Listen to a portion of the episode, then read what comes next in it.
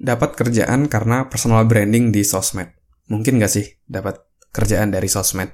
Jawabannya adalah mungkin banget ya gitu. Kenapa? Karena HRD sekarang itu tidak hanya melihat dari biodata yang teman-teman isi atau dari hasil interview aja. Mereka akan melihat dari sosial media, dari Instagram, dari Twitter mungkin, dan lain-lainnya untuk mendapatkan pemahaman lebih lanjut, lebih dalam terkait bagaimana sih teman-teman ini dalam kehidupan sehari-hari sehingga mereka dapat gambaran lebih lanjut. Apakah teman-teman cenderung agresif di internet, mungkin suka komen negatif atau memberikan komentar yang kurang baik, atau justru di sosmed lebih seneng juga untuk terkait sharing hal positif, berbagi banyak hal positif. Nah, itu akan terlihat dari sosial media. Dan di zaman digital ini, HR akan melihat calon karyawannya untuk dari sosial medianya, dari Instagram, Twitter, YouTube mungkin, Facebook, dan lain-lainnya. Karena zaman sekarang juga lagi pandemi kayak gini, beberapa rekrutmen juga dilakukan melalui internet atau online, digital ya. Misalnya teman-teman apply dari LinkedIn atau Jobstreet dan lain-lainnya. Setelah itu tentu HR kalau zaman sekarang mungkin ada beberapa yang memanggil langsung ke kantor, tapi ada juga beberapa yang oke okay, kita Zoom meeting. Nah, itu kan kita mulai mulai nah itu kan kita mulai di era digital kayak gitu.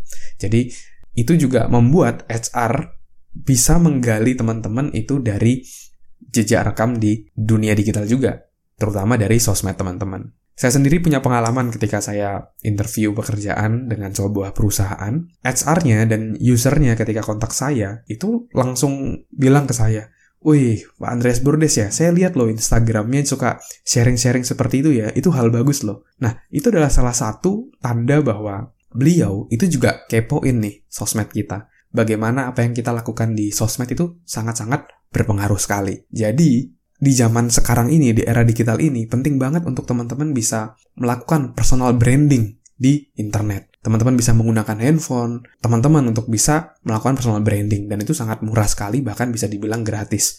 Paling cuma pakai kuota aja kayak gitu. Kalau pakai wifi juga teman-teman gratis gitu kan. Nah, lalu sekarang pertanyaannya adalah mungkin, oke, okay, saya mau personal branding di internet. Lalu apa yang harus saya lakukan? Apa yang harus saya share di sosial media saya sehingga bisa menumbuhkan rasa percaya kepada perusahaan ataupun HR ataupun user yang kepoin teman-teman untuk bisa merekrut teman-teman.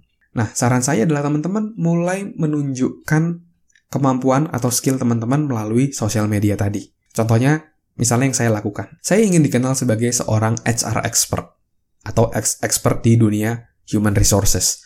Nah, maka dari itu, saya juga sharing tuh beberapa di konten saya di Instagram tentang kesalahan dalam rekrutmen. Terlalu ada juga bagaimana saya mengubah, berubah dari dulu awalnya dari trainer menjadi konsultan, lalu perbedaan HR dari dulu sampai sekarang. Nah, lalu pertanyaannya kenapa kok saya sharing hal-hal tersebut? Itu untuk menunjukkan bahwa saya menguasai ilmu-ilmu HR dan orang akan trust dengan saya ketika mereka melihat saya sharing kayak gitu. Nah, ibaratnya orang misalnya kalau kita memposisikan diri sebagai user ataupun human resource yang akan merekrut teman-teman, lalu mereka masuk ke sosmed teman-teman dan ternyata teman-teman rajin sharing sesuai dengan industri atau pekerjaan yang teman-teman mau masuki. Tentu itu akan meningkatkan trust. Karena di sosial media ada satu yang namanya authority ya. Jadi orang yang sering sharing tentang suatu hal, dia akan cenderung dipandang sebagai expert, dipandang memiliki authority pada bidang tersebut.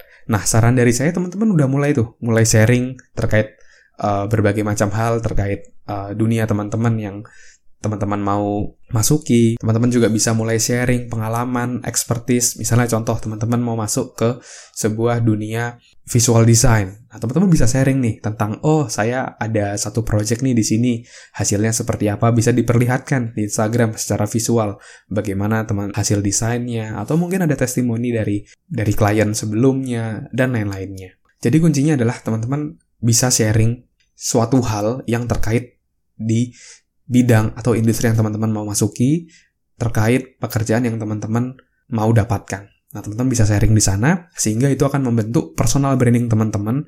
Semakin teman-teman sering sharing dan konsisten, teman-teman akan dipandang, wih ternyata dia expert ya di bidang tersebut.